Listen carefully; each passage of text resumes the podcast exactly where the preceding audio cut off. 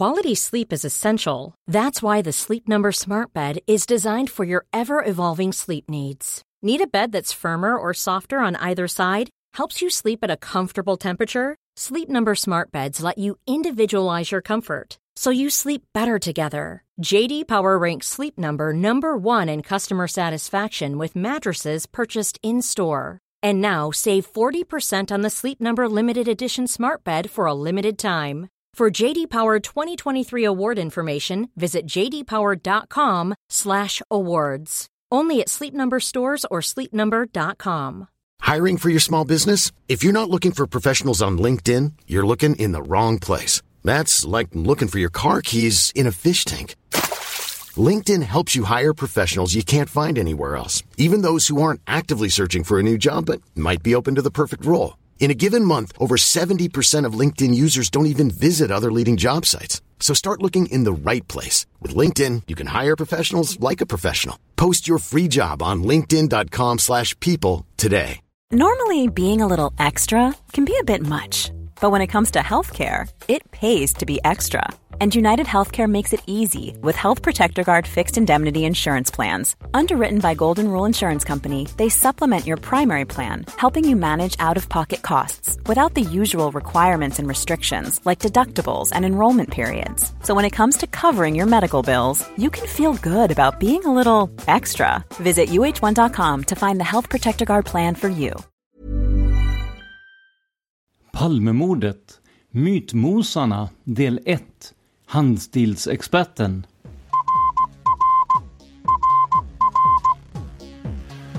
Sveriges statsminister Olof Palme är död. 90 000. Ja, det är mord på Sveavägen. Hörde de säger att det är Palme som är skjuten. Mordvapnet med säkerhet är en Smith Wesson, en revolver kaliber .357. Inte ett svar. Finns inte ett svar. För jag har inget. Och jag har inte varit Varför skulle jag Polisen söker en man i 35 till 40-årsåldern med mörkt hår och lång mörk rock. Välkomna till podden Palmemordet som idag görs av mig, Tobias Henriksson på PRS Media. Den här podden sponsras av Maxulin. Maxulin är ett kosttillskott för män som vill vara män hela livet. Beställ på maxulin.se palme så är du med och tävlar om en Palmevandring med Dan som ciceron. Som vanligt kan också ni som lyssnar bidra. Och faktum är att det är från er som det största ekonomiska bidraget till podden kommer. Gå in på patreon.com palmemodet, alltså p-a-t-r-e-o-n.com och donera en summa som podden får per avsnitt. Vi vill verkligen passa på att tacka alla er som sponsrat oss via Patreon, Swish och med material av olika slag. Det är tack vare er som vi kommit upp i närmare 130 avsnitt när detta spelas in. Och det är också tack vare er som vi kunnat ta oss an de stora spåren som till exempel Viktor Gunnarsson och nu till hösten Polisspåret.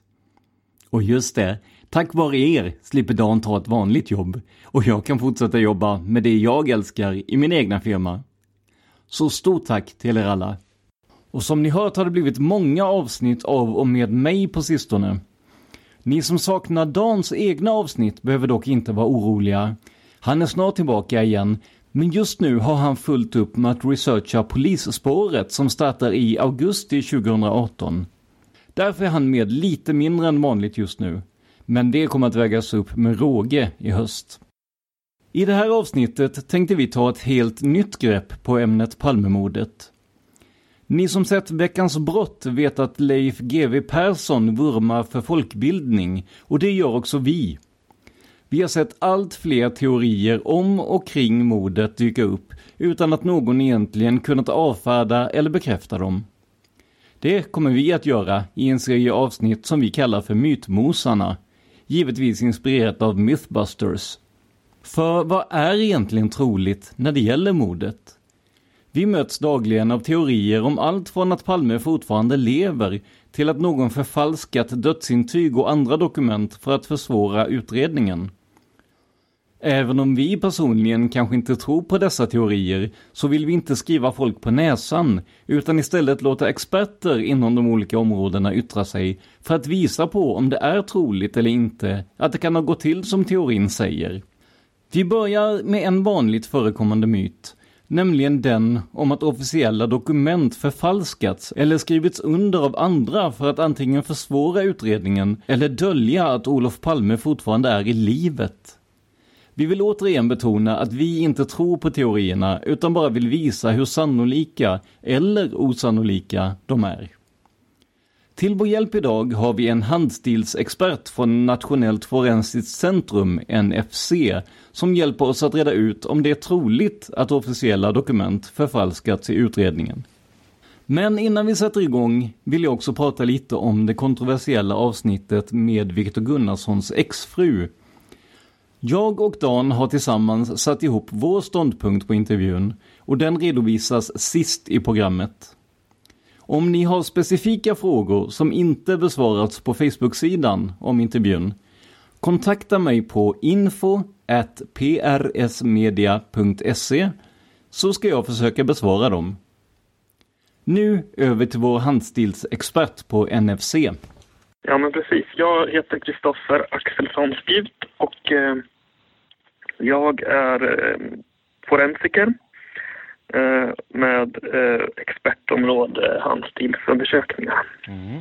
Det är ju så att man som forensiker kan ha många olika in, inriktningar då, och det är inte som så att,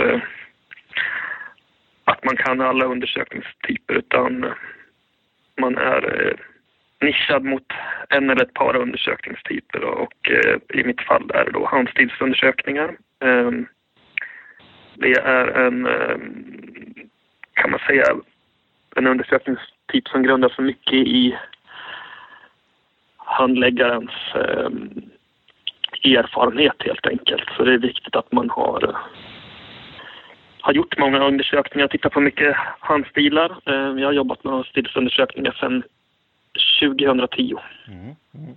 Vad har man för utbildning för att, nå, för att bli handstilsexpert? Eh, handstilsexpert är ju lite speciellt om man om vi jämför med till exempel en DNA-expert så är det ju ganska naturligt att man kanske har en biologi eller kemiutbildning då från universitetet. Ehm, och sedan så är det ju för alla forensiker en internutbildning på två, tre år innan man får sin, sin forensikerbehörighet.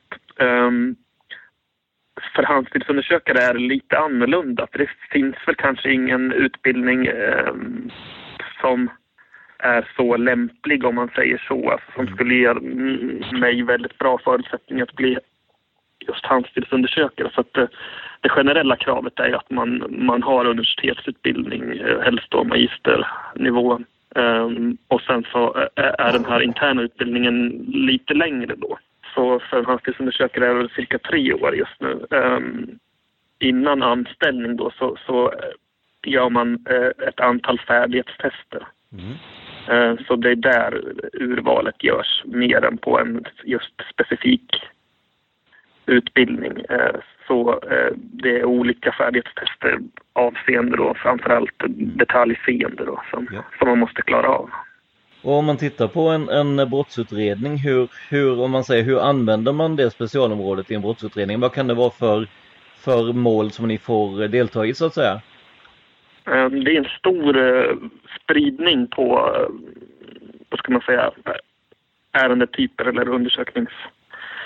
vad materialet kan bestå av. Ehm, exempelvis har vi jobbat mycket med sådana här assistansbedrägerier där man via olika ja, man försöker helt enkelt lura till sig ersättningar som man inte är berättigad till eh, med olika upplägg. Eh, det har vi lagt mycket kraft på.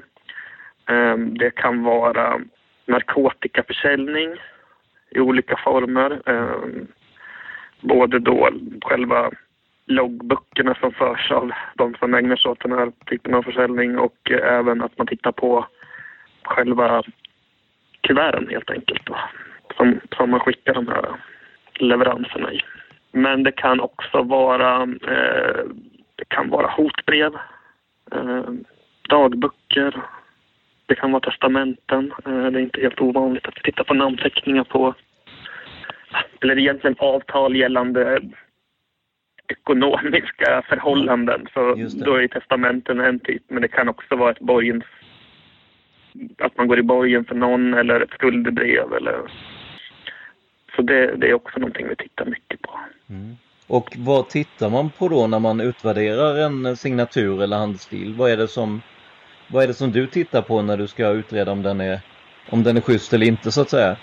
Det, det är lite olika på, vi gör lite skillnad på vad vi kallar för löpande skrift, då, exempelvis ett brev och, och en namnteckning. Där man ju har en namnteckning har man ju betydligt mindre jämförelsepunkter att titta på. Det är ju oftast en väldigt begränsad skriftmängd. Eh, men det är å andra sidan det man är mest van vid att skriva för att det är en väldigt automatiserad process. Så i, i, i en i förhållande, eller om vi tittar på en, eh, på en namnteckning så tittar man ju naturligtvis på bokstävernas utformning och hur man hur de binds ihop. Uh, inplacering i förhållande till stödlinje, stillutning, man går igenom ett protokoll helt enkelt med ett antal saker vi tittar på. Men, men just när det kommer till namnteckningar också så är ju streckkvaliteten väldigt eh, viktig. Eh, okay. Och, och, då, och, när jag pratar om streckkvalitet så är ju det att strecken har ett, ett flöde. Att vi inte ser att det är liksom eh, att man har stannat pennan och, och, och vilat eh, och att, den, att strecken inte är hackiga. Eh, vi tittar också på att det finns en, en dynamik i, i penntrycket som, som uppstår när man skriver på ett flödande sätt. Och, och, och, saknas de här grejerna så, så kan det vara en indikation på att det är någon som har efterbildat en, okay. en äkta namnteckning. Ja. Eh, då går det oftast betydligt långsammare va? och då, då får man inte den här fina streckkvaliteten. Och man kommer se eh, tecken på att pennan har stått still i vissa lägen för att man måste helt enkelt titta på, på det man ritar av, för det är faktiskt det man gör då. Mm. Mm. Det är en sån där viktig grej när det kommer till, till just namnteckning. Mm. Och det gäller ju löpande skrift också. Eh, men där kanske man också, där har vi mycket, oftast mycket mer bokstäver att titta på bara, mm. så då blir det delvis en annan undersökning då man kanske fokuserar mer på, på att titta på bokstävernas utformning. Nu vet vi lite mer om hur man jobbar med handskrift på NFC. Men vad går egentligen att utläsa av den granskade texten? Kan man till exempel få en bild av olika personlighetsdrag hos den som skrev? Kristoffer berättar om detta och också om hur man värderar de analyser man gjort. Vi säger ju aldrig, vi, vi kommer ju aldrig med kategoriska påståenden att eh, det är den här personen eller det är inte den här personen. Utan vi, gör alltid en, vi redovisar alltid egentligen en sannolikhetsbedömning mm. och, då, och då, då jobbar man med, med oftast två hypoteser. Um, och då skulle de kunna vara uh, det är person A som har skrivit skulle kunna vara då huvudhypotes och sen har man en alternativ hypotes då um, det är någon annan som har skrivit helt enkelt. Um, och när vi har gått igenom det här protokollet så har vi ett antal resultat då, eh, beträffande likheter och olikheter eh, mellan då den här omstridda, om vi säger att det är en namnteckning. Mm. Och sen har vi då äkta namnteckningar då, som vi jämför mot. Och, eh, sen gör vi en värdering helt enkelt. Hur, hur troligt är det att vi skulle få det här resultatet om den är egenhändig eh, respektive mot att den inte är egenhändig. Och, och, och sen så redovisar vi en skala helt enkelt och mm. den um, består ju av intervall då um, där man helt enkelt graderar hur mycket man tror på, på det här resultatet om man säger mm. så. Så um, om, jag kan ta ett exempel om vi den här skalan uh, är, niogradig och mm då har man en, en nolla i mitten kan man säga och sen går det till plus 1, plus 2, plus 3, plus 4. Eh, det talar helt enkelt för att, eh, för att det skulle eh, vara eh, den här huvudhypotesen som, som är sann då, att det är person A. Ehm, och sen har man då minus ett, minus två, minus tre, minus fyra då som är då det, det att det talar för alternativhypotesen då att det är någon annan som, som har eh, och eh, ett exempel då, vi, vi får en, en plus två. Mm.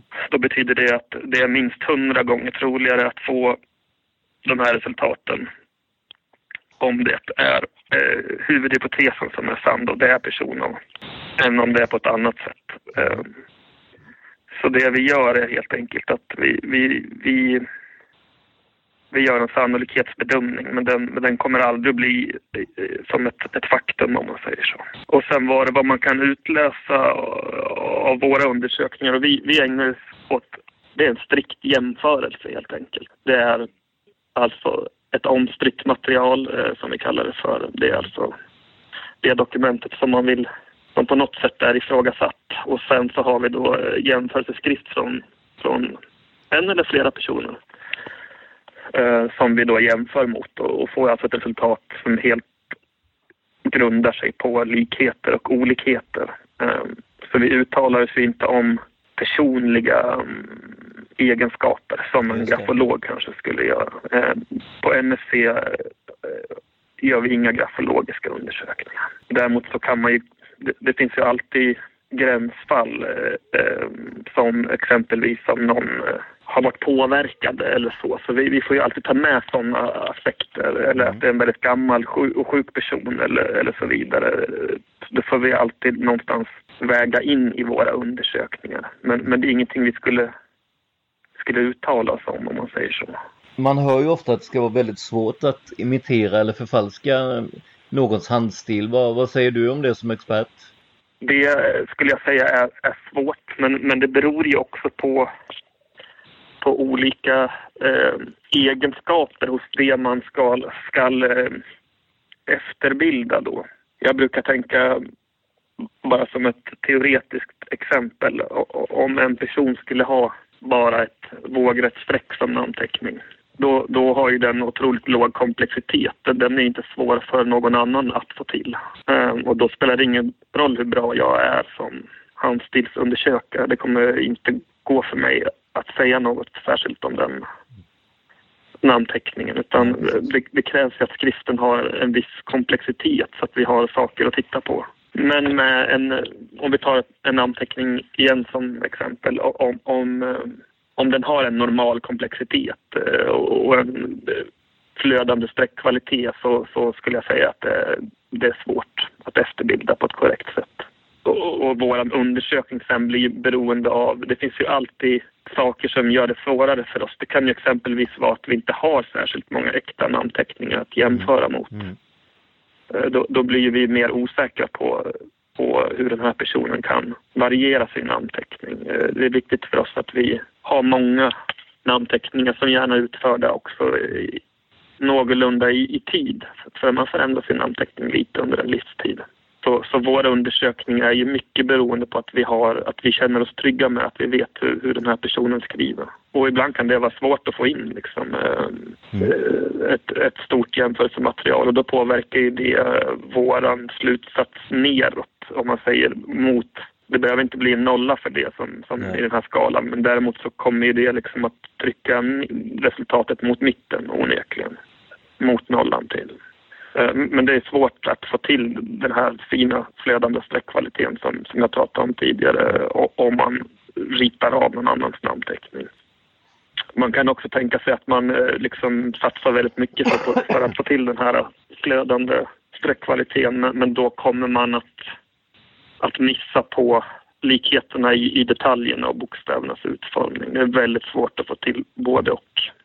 Det sägs ju att om en person skriver sin namnteckning ett flertal gånger så blir den aldrig exakt detsamma. Stämmer det eller är det, är det bara en, en, en myt som framförts i filmer och så liknande? Nej, men det är ju korrekt att man skriver ju aldrig exakt likadant två gånger. Ehm, så att skulle vi, skulle vi ha, då ska vi ta, en mening som finns på ett dokument och sen så finns ett exakt likadant eh, om man skulle hålla dem över varandra skulle det se exakt likadant ut. Då är det eh, otroligt eh, misstänkt. man skriver inte exakt likadant två gånger. Nej, det gör man inte. Men skulle det gå att förfalska ett offentligt dokument, till exempel i Palmeutredningen? För att besvara detta går vi tillbaka i historien och jag frågade Kristoffer om han känner till fall där man faktiskt lyckats förfalska en namnteckning. Det finns ju lite en problematik i det i och med att man... Det är ytterst sällan man får facit i den här Nej, typen av verksamhet. Eh, Men det jag tänker på som ju var en sån där eh, undersökning som, som det blev mycket debatt kring var ju... eh, Ska det vara förfalskade dagböcker från Hitler? Ja, just det. Som kom, ja, de kom fram på, jag tror det var i början av 90-talet eh, och köptes ju av någon tysk tidning för dyra pengar. Eh, och sen lät man då handstilsexperter titta på de här eh, dagböckerna. Mm. Eh, och, och då blev det fel. Eh, det, det var, jag tror det var tre olika handstilsexperter från olika länder som tittade på det här och kom fram till att de, till att de skulle vara, ja det tydde på att de var äkta helt enkelt. Eh, Men det har ju visat sig i efterhand att, att det, det var de inte och eh, det som hade hänt i undersökningen det var helt enkelt att den var kontaminerad kan man säga på så sätt att i det här jämförelsematerialet som jag pratade om att det är väldigt viktigt att det är eh, representativt så hade det smugit sig med då handskrift från förfalskaren. Så det var, det var liksom korrekt att, att det fanns skrift som i jämförelsematerialet som såg ut som eh, den i de här förfalskade dagböckerna. Men, men problemet var att det var ju inte skrift från, från Hitler så man kan säga att jämförelsen var korrekt i någon mån men att eh, jämförelsematerialet var inte något att lita på i det här fallet. Okej. Eh, Vår podcast handlar ju mycket om Palmeutredningen och jag vet att det är förundersökningssekretess men eh, går det att säga någonting om huruvida ni varit A lot can happen in the next three years. Like a chatbot may be your new best friend. But what won't change? Needing health insurance. United Healthcare Tri Term Medical Plans are available for these changing times.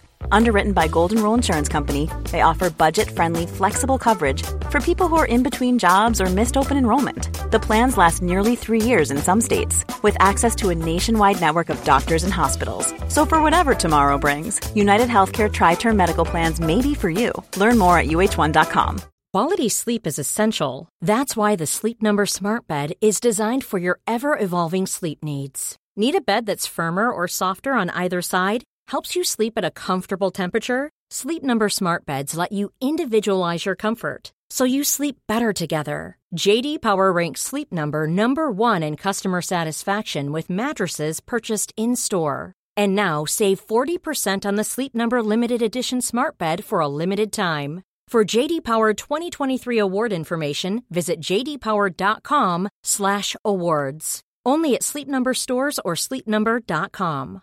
Hiring for your small business? If you're not looking for professionals on LinkedIn, you're looking in the wrong place. That's like looking for your car keys in a fish tank.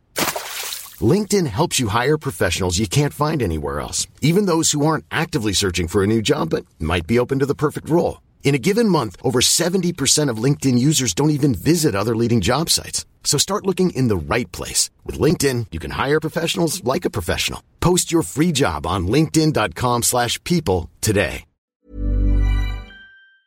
Inblandade och, och bistått Palmeutredningen? Jag kan ju tyvärr inte uttala mig om några pågående utredningar. Eh, och, och, det, och det beror ju på den här förundersökningssekretessen. Och det är ju helt normalt, det gäller ju alla undersökningar vi, vi gör att eh, eh, vi kan helt enkelt inte prata, vi kan varken bekräfta om vi har gjort någonting eller ej. Eh, så därför har jag varit lite tråkig. Men om man ser utifrån ditt, ditt expertisfält och din kunskap, skulle du Mm. säga att det är möjligt att förfalska, säg en underskrift på ett offentligt dokument eller liknande? som sagt var, det, det är lite svårt att eh, rent eh, generellt, Generellt. Så, så beror det ju lite på eh, hur den här namnteckningen eh, ser ut.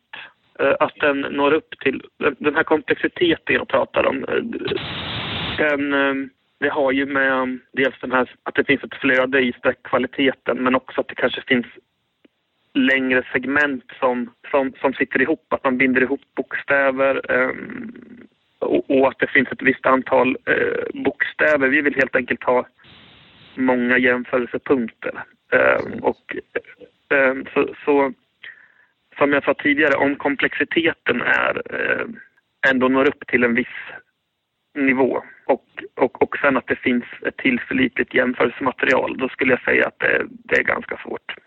Där säger vi tack till Kristoffer Axelsson Spjut på Nationellt forensiskt centrum för hans medverkan.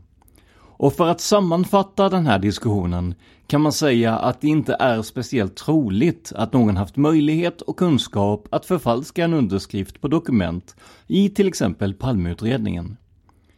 Men samtidigt går det inte att avskriva utan en noggrann undersökning. Men just den här myten får anses möjlig, men inte speciellt trolig. Nu ska vi prata lite om den intervju som jag gjorde med Viktor Gunnarssons exfru Jeanette våren 2018.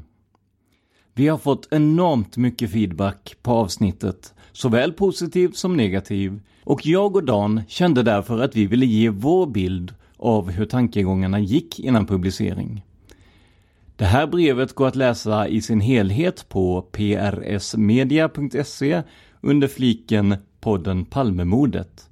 Den kommer också att läggas ut på facebook.com palmemordet. Med tanke på de kontroversiella uppgifter som kom fram i avsnittet VG och kvinnorna del 3, Exfrun, vill vi berätta lite om hur vi jobbat för att kontrollera uppgifterna i avsnittet. Under hela tiden vi jobbat med spåret Viktor Gunnarsson har vi försökt att få reda på mer om honom som person från personer som kände honom. Tack vare enträgen research fick vi tag i en sådan, nämligen hans tidigare hustru Jeanette. Efter ett telefonsamtal bestämde sig Jeanette för att ställa upp på en intervju och denna gjordes också cirka tre veckor innan publicering. Då innehållet i intervjun blev mycket kontroversiellt och senare omdebatterat bestämde vi oss för att konsultera samma jurist som hjälpt oss med de juridiska turerna i avsnittet om Börje Wingrens revansch. Efter smärre justeringar i avsnittet och efter att ha lagt till information om vad vi kommit fram till i våra eftersökningar bedömde kärntruppen för avsnittet Dan, ägare av podden, Tobias, avsnittsproducent, Niklas, jurist, att avsnittet var sändningsbart. Vi var hela tiden medvetna om att det skulle väcka starka reaktioner hos er lyssnare. Vi vill därför berätta om våra överväganden i ett par viktiga frågor. Trovärdigheten. Den vanligaste invändningen vi får är att det inte går att lita på en person med så fantastiska uppgifter. Och redan här gör man en tankevurpa Tänk om man sagt så om Lars Borgnäs uppgifter om NATO-ubåtar i svenska vatten. Eller om Estonias förlisning. Eller varför inte om uppgiften att Olof Palme skjutits på öppen gata. Vi har gjort en noggrann bedömning av Jeanettes trovärdighet och kommit fram till att hon är att lita på. Detta baserar vi bland annat på följande. Viktor Gunnarsson är idag avliden och det finns ingen anledning för Jeanette att smutskasta en avliden exman.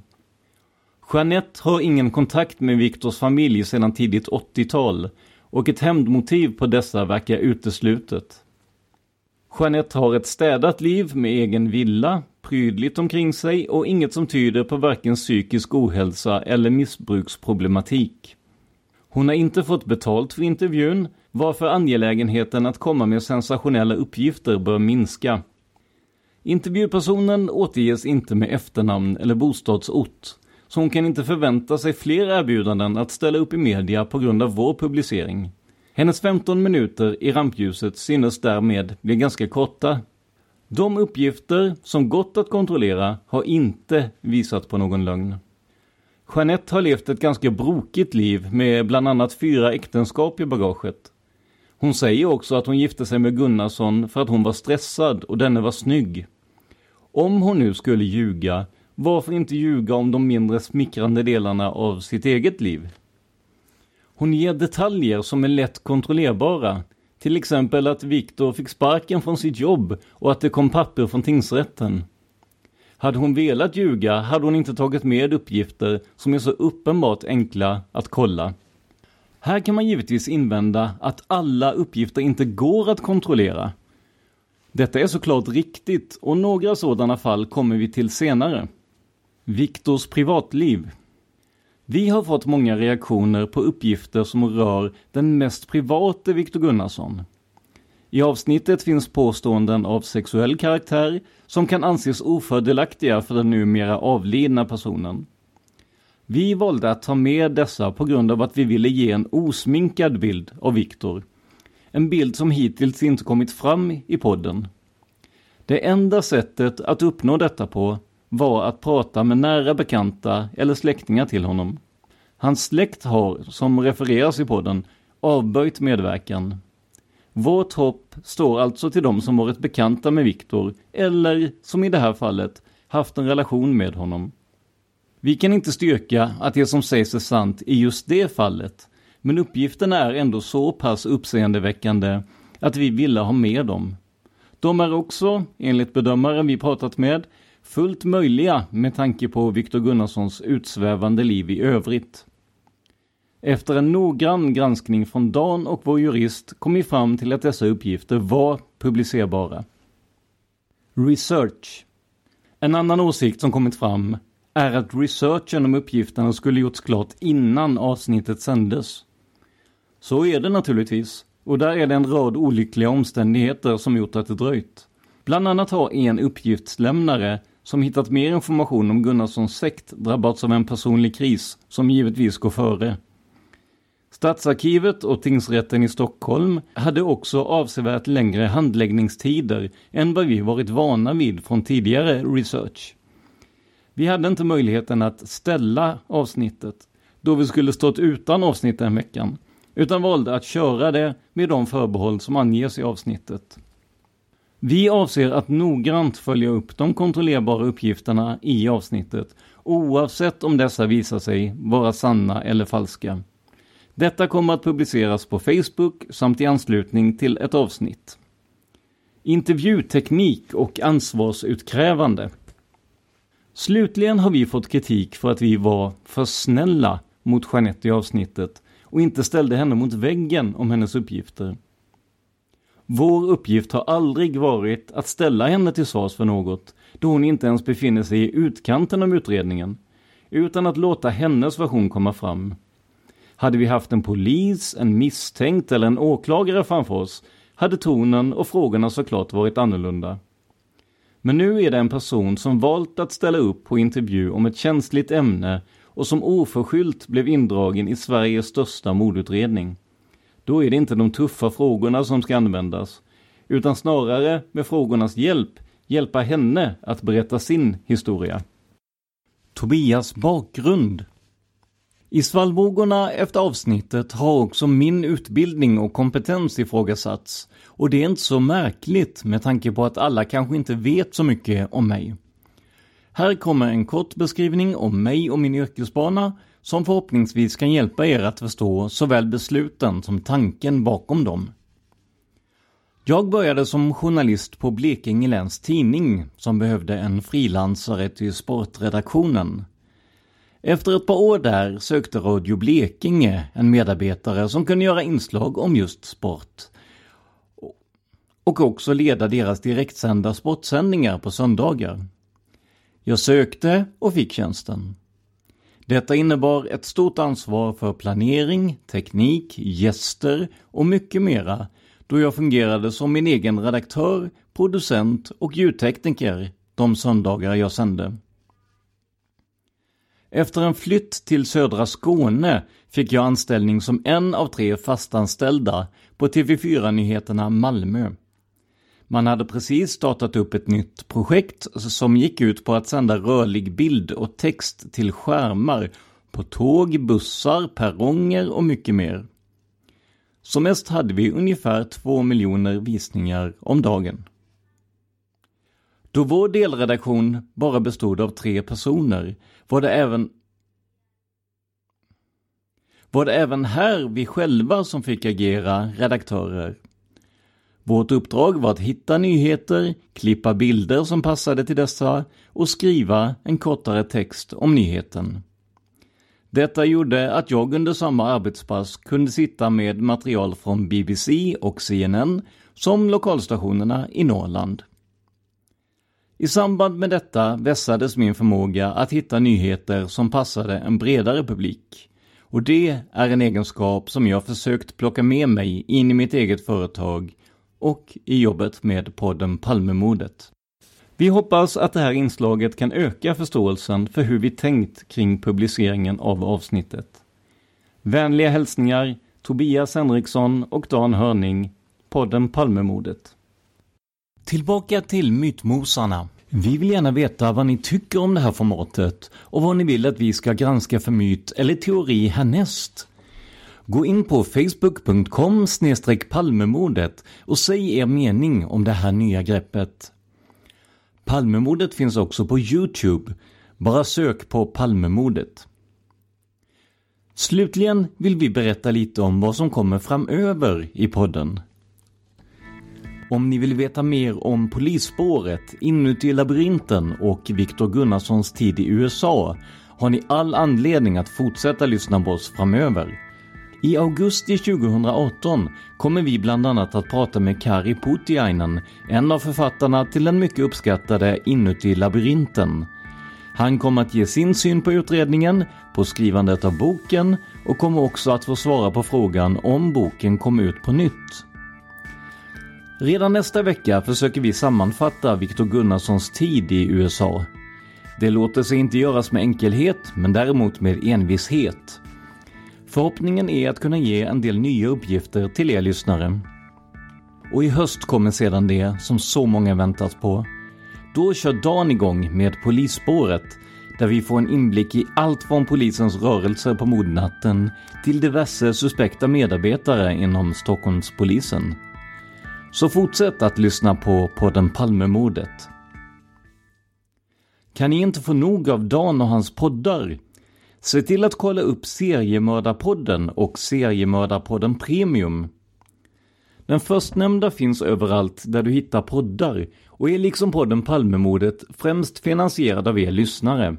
I Seriemördarpodden Premium tar Dan upp ännu fler fall och även lite mer udda seriemördare som inte fått plats i den vanliga podden.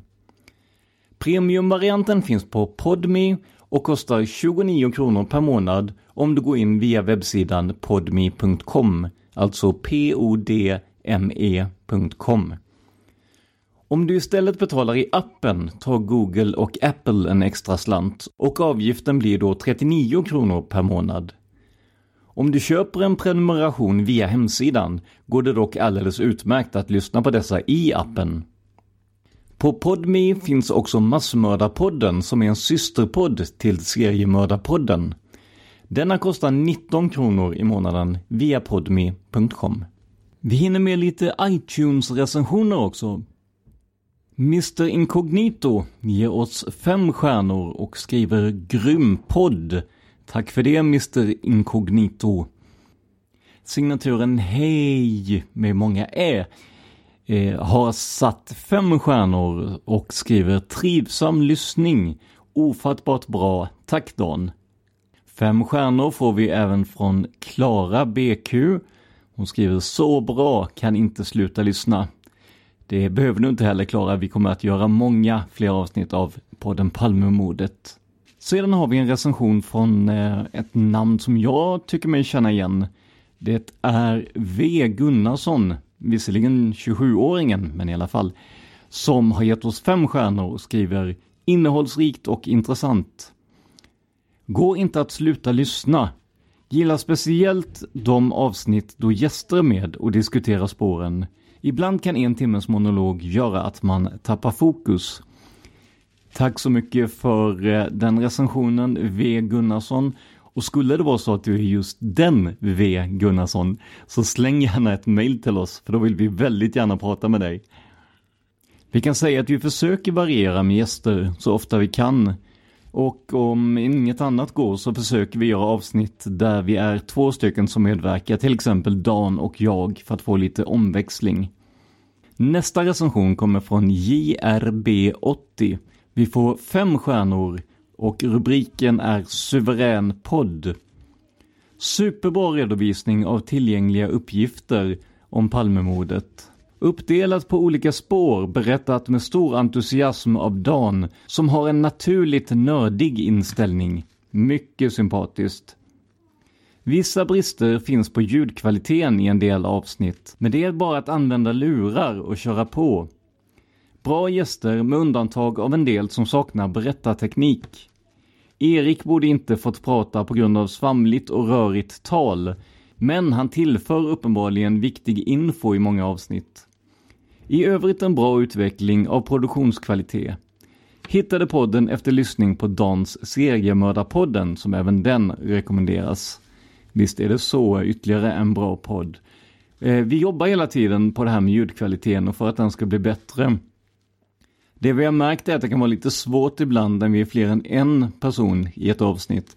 Men vi lär oss längs vägen och hoppas att det kommer att bli ännu bättre. Till slut har vi en recension från Balenciaga 69 och jag ber om ursäkt om jag uttalade det fel. Vi får fem stjärnor, rubriken är helt fantastiskt. Bra jobbat Dan, keep it up. Och det vet jag att han kommer att göra. Allra sist vill vi påminna om vår andra sponsor Nextory. Nextory är en prenumerationstjänst för ljudböcker och e-böcker. Om ni går till nextory.se kampanjkod och skriver in koden PALME så får ni 30 dagars gratis Nextory om ni inte tidigare prenumererat hos dem. Nextory har många böcker i ämnet Palmemordet, bland annat Konspiration Olof Palme av vår återkommande gäst Gunnar Wall. Så här beskrivs den. Mordet på Olof Palme har i 30 år framstått som en olöslig gåta. Kanske är det inte så. Den prisbelönte grävande journalisten Gunnar Wall pekar i denna bok på att lösningen kan ligga närmare än vad vi lätts att tro.